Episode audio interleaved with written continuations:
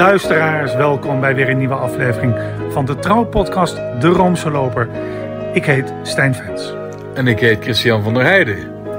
Ja, Christian, wat moeten we nog zeggen? Nou, dat deze podcast een beetje ten einde gaat lopen. Ja, dat is waar. En dat is jouw schuld.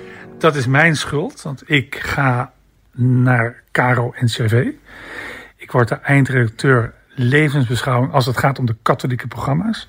Ja, dus dan word je eigenlijk ook mijn chef. En dan wordt het wel heel intiem meteen. Ja. Maar dat betekent dat ik ehm, dus wegga bij Trouw. Dan stop ik met de column en ik stop met het schrijven van stukken voor Trouw. En ik stop dus ook met de Trouwpodcast, De Roomse Loper, Christian. Ja, ik vind het, uh, vind dat echt heel erg. Maar ja, misschien is er leven na jou, uh, toch? Maar, maar goed, um, dus deze podcast, um, All Things Must Pass. Ja, en misschien moeten we alvast zeggen dat we er niet zomaar uitgaan. Hè? Deze podcast gaat niet als een nachtkaars uit, maar met een donderend spektakel op 6 maart in Amsterdam. Daar komen nog mededelingen over in de krant in Trouw, want u kunt bij onze laatste uitzending zijn. Ja, komt dat zien en horen. Voordat wij beginnen met ons onderwerp, wij gaan namelijk een film bespreken die, uh, nou, die, hoge, uh, die een hoge kans heeft om uh, enkele Oscars in de wacht te slepen. gaan we even wat Vaticaans nieuws nog met u doornemen? Ja, Vaticaans nieuws en omstreken, want we kunnen ook in deze Roomse loper niet heen om het overlijden van Dries van Acht. Die uh, is overleden, hand in hand met zijn Eugenie, zijn meisje. Dat meisje, dat vond ik zo, ja, dat zeg je toch niet tegen een, tegen een vrouw meisje. Ja, Dries van Acht mocht alles zeggen en dat deed hij ook. Ja, hij was wel de opperste cultuurkatholiek. Dus met andere woorden, daar zijn wij zeer uh, mee ingenomen als uh, Roomse loper. Ik bewonderde Van Acht om zijn soepelheid van geest en natuurlijk om zijn bloemrijke taalgebruik. Eén voorbeeld daarvan. Ik heb ooit een programma met haar gemaakt in Rome. Uh, zijn we twee, drie dagen op pad geweest. Tijdens die dagen hebben we elkaar goed leren kennen. Toen namen we afscheid. Hij ging naar huis of naar het vliegveld met de taxi. Ik bleef nog even in Rome. En toen zei hij: Steen, ik geef je een verbale omhelzing. Kijk, en dat deed hij ook volkomen. In onnavolgbare zinnen zette hij die drie dagen even neer. Um, dus hij zal de geschiedenis ingaan als premier, maar toch ook als taalvirtuoos en uitvinder van zinnen die niemand anders kon uitspreken. Ja, nou mag ik dan ook nog een verhaaltje toevoegen? Tuurlijk. Want als uh, redacteur bij het uh, onvergetelijke programma Studio RKK, dat werd altijd uh, opgenomen ergens in een kroeg, rond Kerk en Kroeg, hadden we ook reportages. En een daarvan werd gemaakt door Marian Krijgsman en ik mocht met haar mee. Want we zouden Dries van Acht samen met zijn grote kameraad Kaste Kwaai laten fietsen van de Heilig Landstichting naar Den Bosch. Want dat deden ze wel vaker met de fiets naar allerlei bedevaartsoorden. En niet de meest nabije. Ze zijn zelfs een keer naar Kiev gefietst. Kun je nagaan. En ik vroeg toen aan Van Acht, waarom zeggen ze toch altijd dat de wielersport eigenlijk zo'n Roomse sport is? En toen zei hij, wel, makker... Dat komt omdat het harde zadel goed is tegen de bekoring. Ja, geweldig. Hij is ook een keer uh, geïnterviewd in het programma Adieu God van Thijs van der Brink. Over van alles en nog wat over God en, en wat, wat God dan is en zo. Maar ook over astronomie. Want daar heeft hij zich, uh, toen hij al heel oud was, in verdiept. Ik ga nu een letterlijk citaat voorlezen uit dat programma. Ik ga dat proberen zo goed mogelijk te doen. Wij maken deel uit van een groep van hemellichamen bestaande uit miljarden. Ja, ik zeg het met stemverheffing, omdat het zo hoogst indrukwekkend is. En dan wordt het knap moeilijk om te blijven geloven dat de grote creator, de schepper, de alles, de albeheerder hiervan, dat hij zich zo op een bijzondere wijze zou hebben ingelaten met dat ene stofje dat deel uitmaakt van dat ene miljard van die miljarden en miljarden die er zijn. Zo is er zelfs, zo luidt het toch in onze dierbare christelijk geloof, door zijn zoon daarheen te zenden. Ja, dat is ongelooflijk. Ja, nou ja, kijk, ongelooflijk. Um, de psalmist, hè, psalm 8, die vraagt zich ook al af Ja. Waarom dat de albeheerder eh, zich eh, eh, zo ontfermt over de mens. Maar goed, ehm vannacht, we hebben nog iets te bespreken, namelijk, ja, we hebben al een keer een podcast deels gewijd aan de nieuwe president van Argentinië, Javier Hoe Milei. je? Hoe zeg je? Javier, ik denk het zo hoor. Javier Milei. Spreek ik het zo niet goed uit, dan kunt u met een briefkaart ons dat laten weten. Javier Milei, want die heeft de paus voor rotte vis uitgemaakt. Nou, van rotte vis. Voor, eh, dat is vooral in zijn verkiezingscampagne. Maar toen hij eenmaal eh, was ingezworen, toen heeft hij de paus gebeld en hem uitgenodigd om eindelijk eens dat geboorteland van hen beiden te bezoeken. Ja. En afgelopen eh, weekend, en dan zeg ik afgelopen, eh, op 11 februari, was deze, ja, ze noemen hem de kettingzaagman. Omdat hij eh, de kettingzaag gebruikte als symbool voor eh, forse, forse bezuinigingen in het, eh, in het staatsapparaat van Argentinië. Die kwam dus in de Sint-Pieter en werd verwelkomd door de paus zelf. Die zat in een rolstoel. En de twee omhelsden elkaar. En op maandag 12, eh, 12 februari was er het officiële bezoek. Hè? Dus de audiëntie in de bibliotheek in het Apostolisch Paleis. En ik moet zeggen, dat was toch wel leuk om te zien.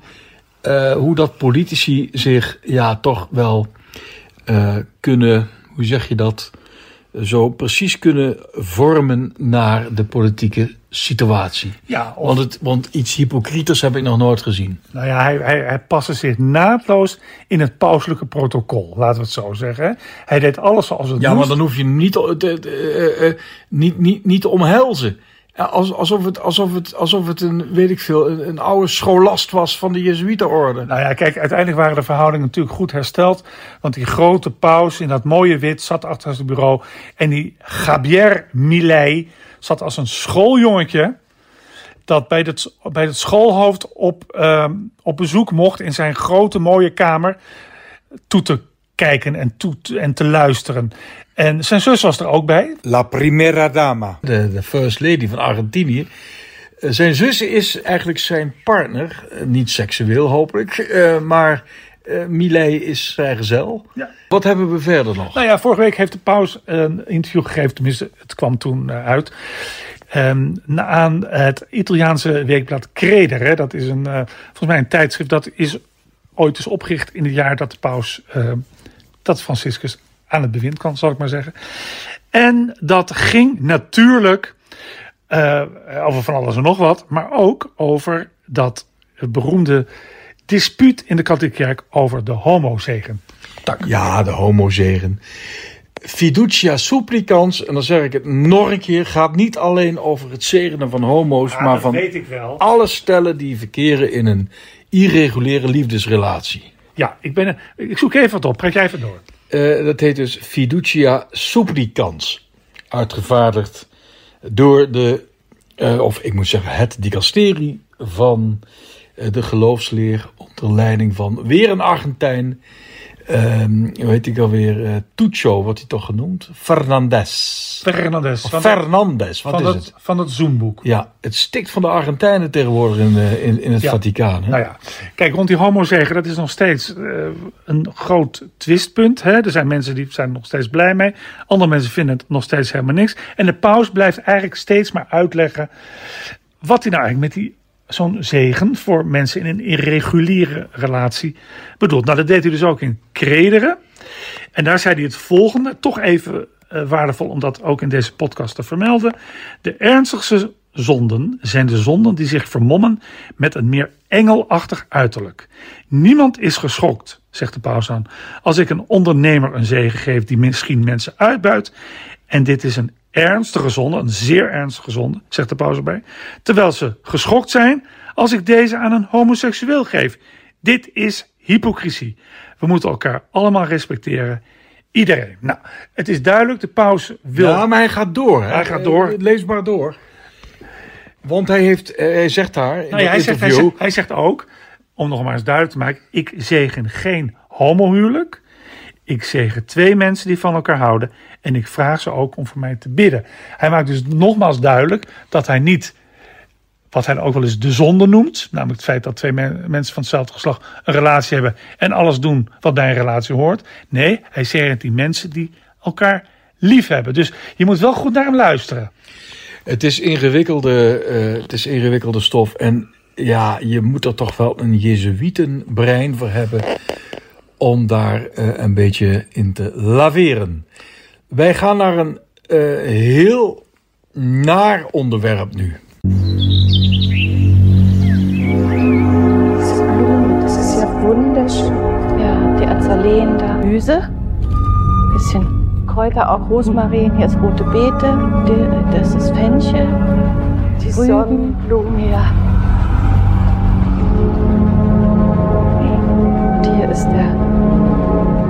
Kohlrabi. Die Kinder essen wahnsinnig viel.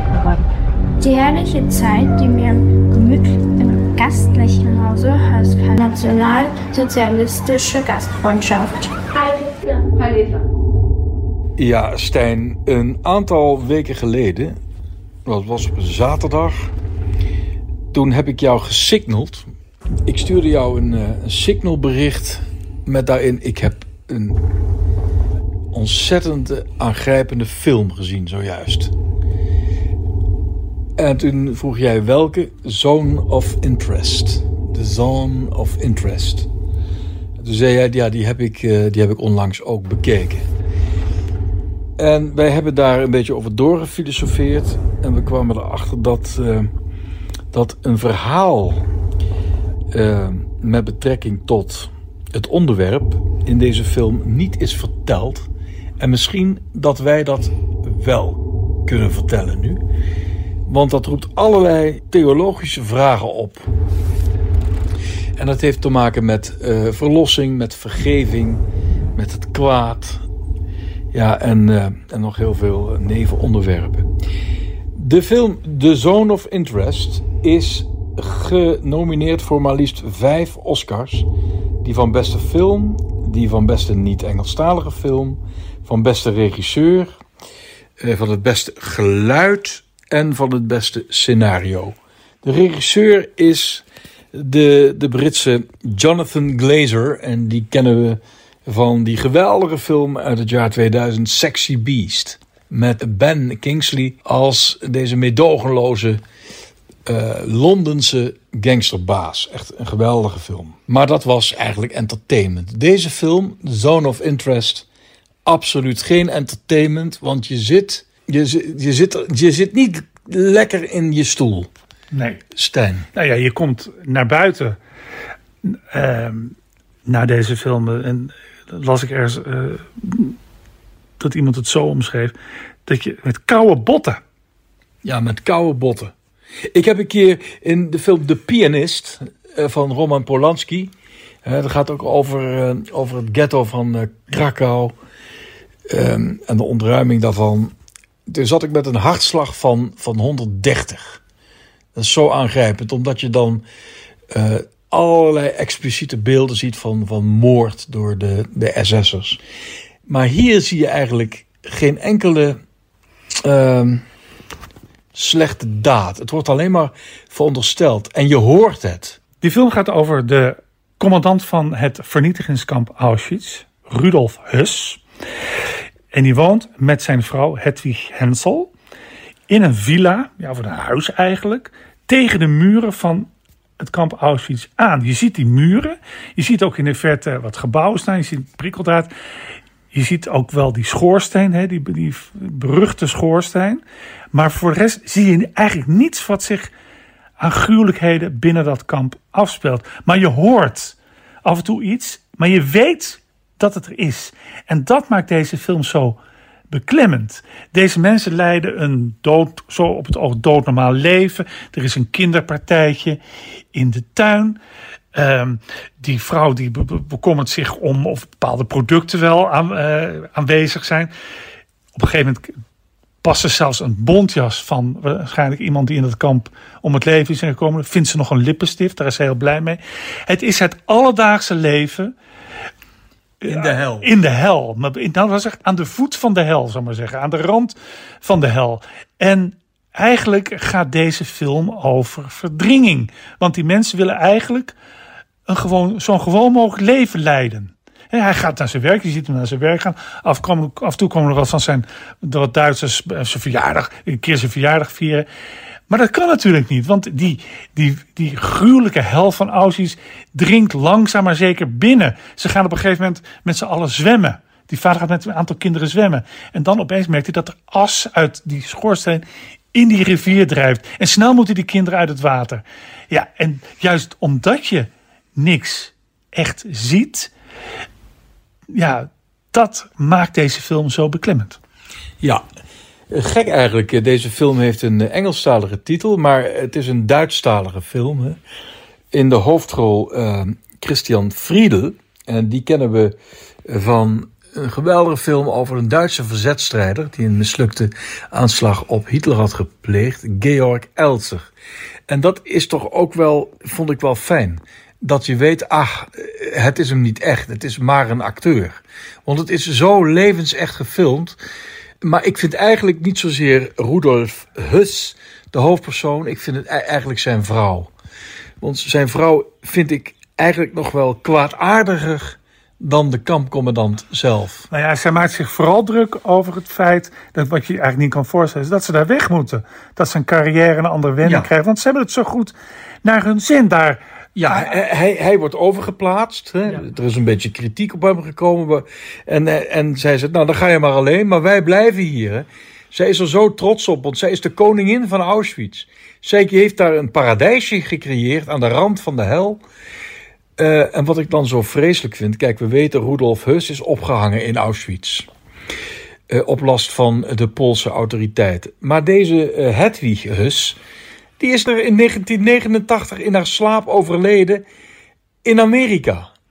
Deze vrouw is nooit gestraft, want zij heeft gezegd: Ja, ik, ik wist niet wat daar allemaal gebeurde. Ik, ja, dat mijn man, maar ik werd overal buiten gehouden onzin. Zij was een uh, notoren antisemiet en, en een overtuigd nationaal socialist. En ze wist donders goed wat daar gebeurde. Maar, Stijn, waarom hebben wij het hierover? Uh, waarom is dit een onderwerp voor de Roomse loper? Nou ja, kijk, ik ben natuurlijk een beetje gaan googelen, uh, zoals heel veel mensen gedaan hebben, na het zien van deze film. Van wat was er nog meer over die Rudolf Hus? hoe is het met die vrouw afgelopen? Nou, ik, jij, ik, wist, ik ben er niet achter gekomen dat zij in een slaap is gestorven. Maar ik, ik heb natuurlijk wel over Rudolf Hus gelezen. En over het feit dat hij dus uiteindelijk in Auschwitz is opgehangen. Maar dat hij daarvoor natuurlijk berecht is. Een autobiografie heeft geschreven.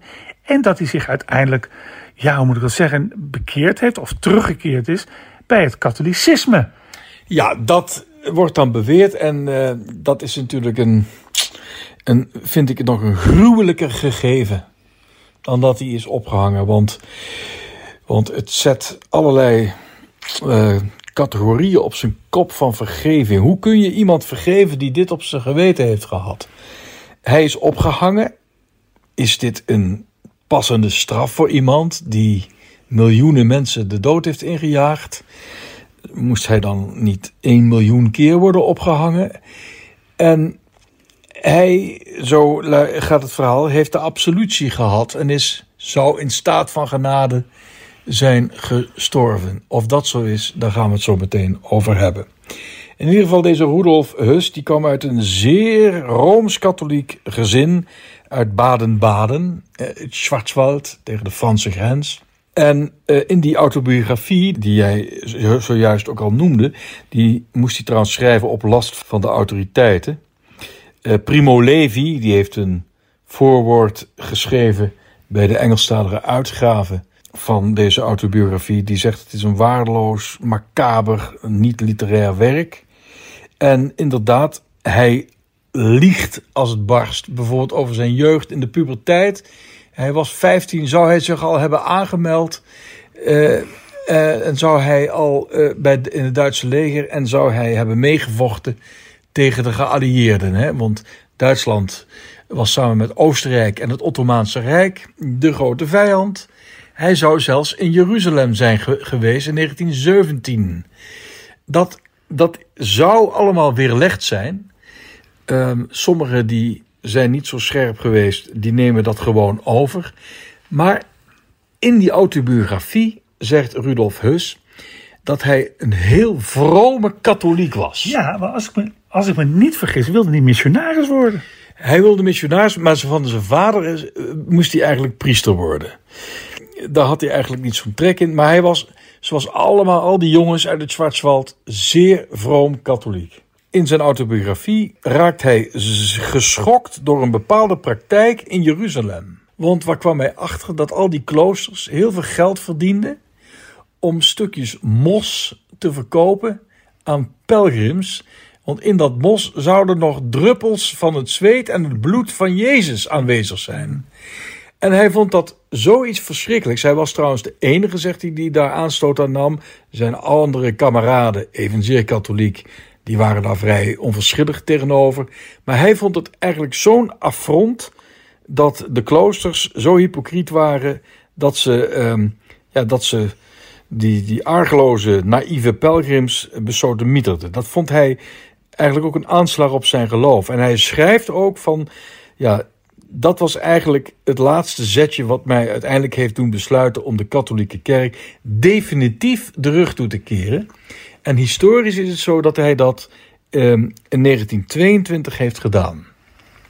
Tegenwoordig eh, word je dan ontdoopt. Dat kan wel helemaal niet ontdopen, maar eh, dan, dan kun je je laten uitschrijven uit het doopziel. Dat kon toen trouwens ook nog niet. Maar hij schijnt toch wel per formele act ehm, te hebben gezegd: Ik wens geen katholiek meer te zijn. Hij viel van helemaal, helemaal van zijn geloof afgevallen.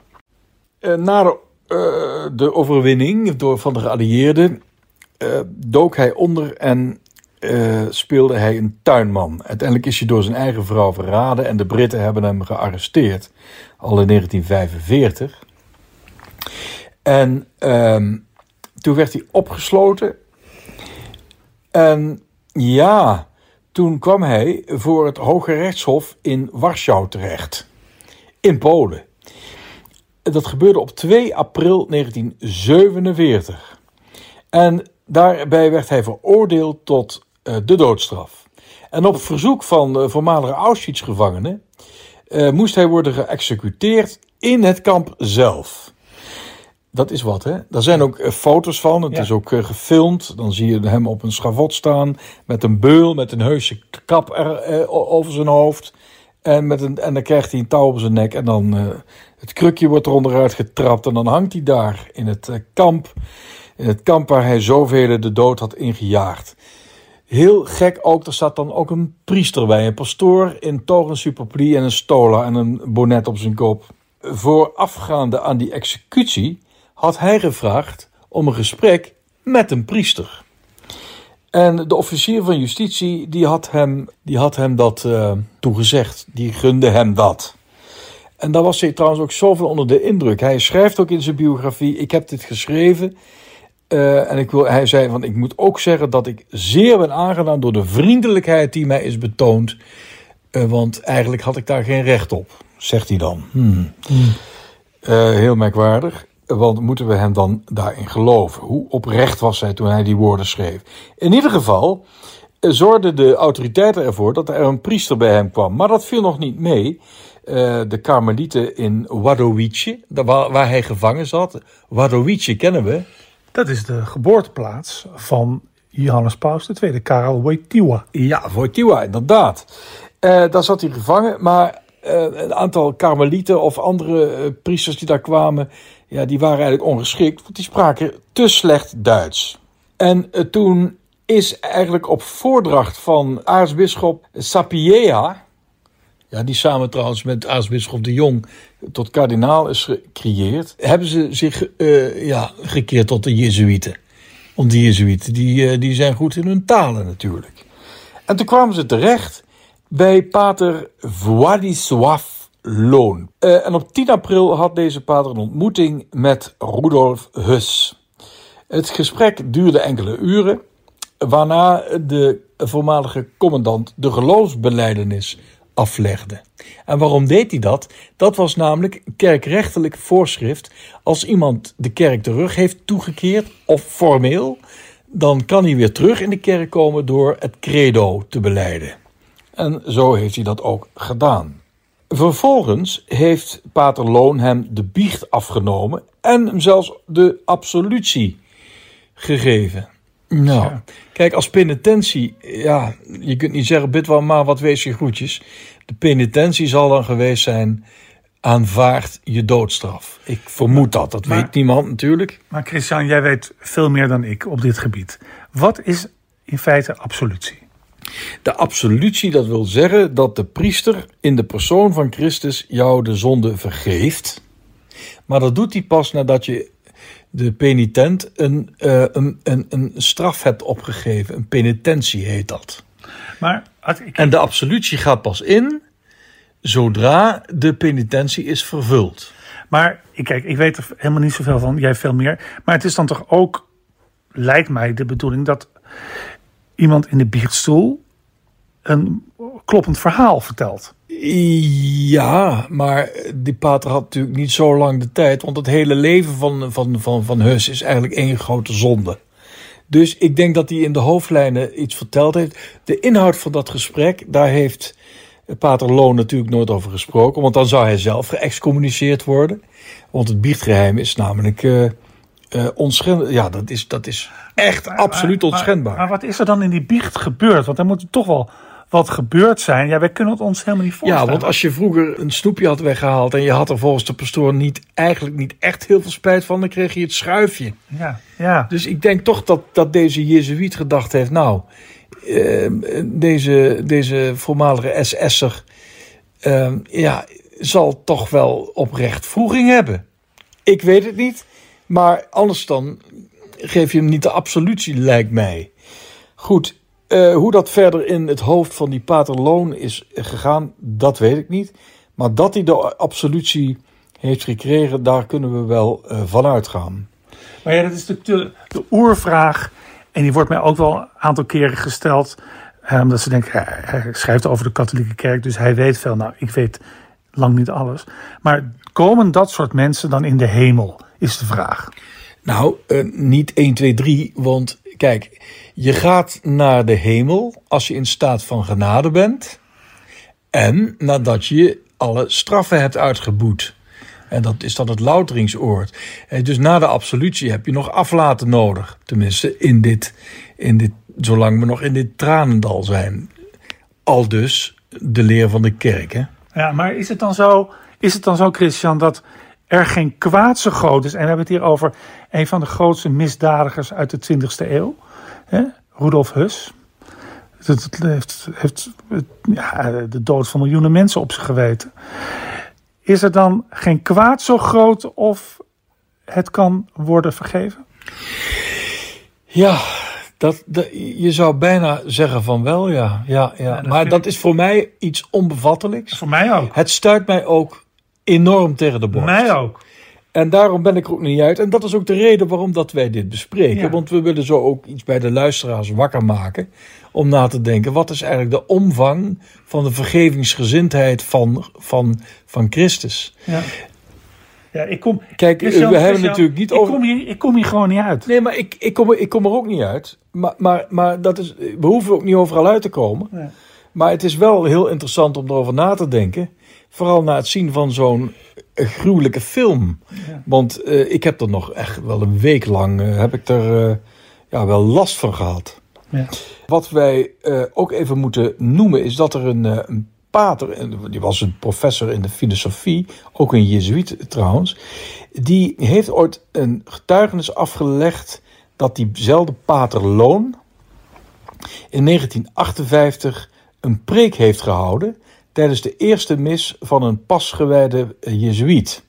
En tijdens die preek heeft Pater Loon de gebeurtenissen van 10 en 11 april 1947, dan hebben we het dus over de, de biecht en de executie van eh, Rudolf Hus, heeft hij, eh, nog, heeft hij bevestigd. En heeft hij ook eh, gezegd van dat hij Hus, commandant Hus, al eerder had ontmoet. Nu wordt het nog interessanter. Dat zou zijn gebeurd in 1940. Toen had de SS had een groep Jezuïeten gearresteerd en gedeporteerd naar het kamp Auschwitz. En Pater Loon, die eh, voelde zich verplicht om zich te voegen bij zijn medebroeders. En die heeft zichzelf toen aangegeven, moet je nagaan, bij Auschwitz. Die is natuurlijk meteen in de boeien geslagen en voorgeleid aan Rudolf Hus. En Hus die, die keek naar, uh, naar, naar die pater en die zegt, uh, laat hem maar gaan. Ongelooflijk, hè? Ongelooflijk. Laat hem maar gaan. Voor hetzelfde geld was hij was die ge, gefolterd uh, zoals Maximiliaan Kolbe hè? In, uh, in, en, en gestorven in, in Auschwitz. Laat hem maar gaan. Alsof hij al zag, ik, ik, ik zal die man nog hard nodig hebben. Heel gek. Ja. Dat diezelfde man hem dan de absolutie zou geven. Ja, nou ja. Ja, Christian, ik weet niet wat ik hiermee moet. De, het, hoe, dat de man die verantwoordelijk is voor de moord op miljoenen Joden. Ik ben ook in Auschwitz geweest. Uh, het is een van God verlaten plek.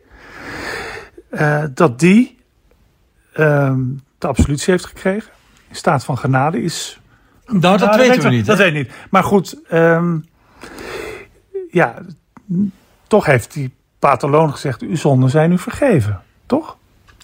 Ja, ja, ja. En dat, dat weet ik wel, dat, hè, dat, dat vergeven, zeven keer vergeven, je moet vergeven. Maar ik kan dit niet bevatten en het stuit me tegen de borst. Ja, meer kan ik er niet van maken. Nee. Eh, Als je, als je je verdiept in, in het leven van die, van die hus, ja, weet je wat het gekke daarvan is? De catechismus is, is veranderd, hè? ook onder eh, Paus Franciscus.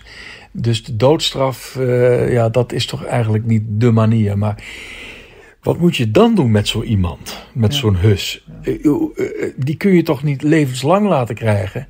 Zoals de drie van Breda, om maar eens terug te grijpen op het levensverhaal van Dries van Acht. Zo iemand die. Het, het kwaad is zo ontzettend groot. Dat, dat ja. Wat, wat moet je daar nou mee? Dus met andere woorden. Denk, het alle ons denken. Auschwitz is, is, is een aanstoot van ons denken over, over rechtvaardigheid en over eh, vergeving. Alles wat je daarover zegt is eigenlijk. Ja, snijdt eigenlijk per definitie geen hout. Nee, het, het, is, eh, het is niet in woorden te vatten eigenlijk. Hè. Nee. Ik zou willen zeggen, ga maar naar die film toe. Dan, eh, Nee, je moet echt eh, luisteren. Ga naar die film toe. Ik voorspel u dat hij eh, de Oscar krijgt voor beste internationale featurefilm. Dat denk ik echt. We zullen het meemaken in maart. Als wij al lang uit de lucht zijn, dan, dan worden de Oscars uitgereikt. Tot ziens.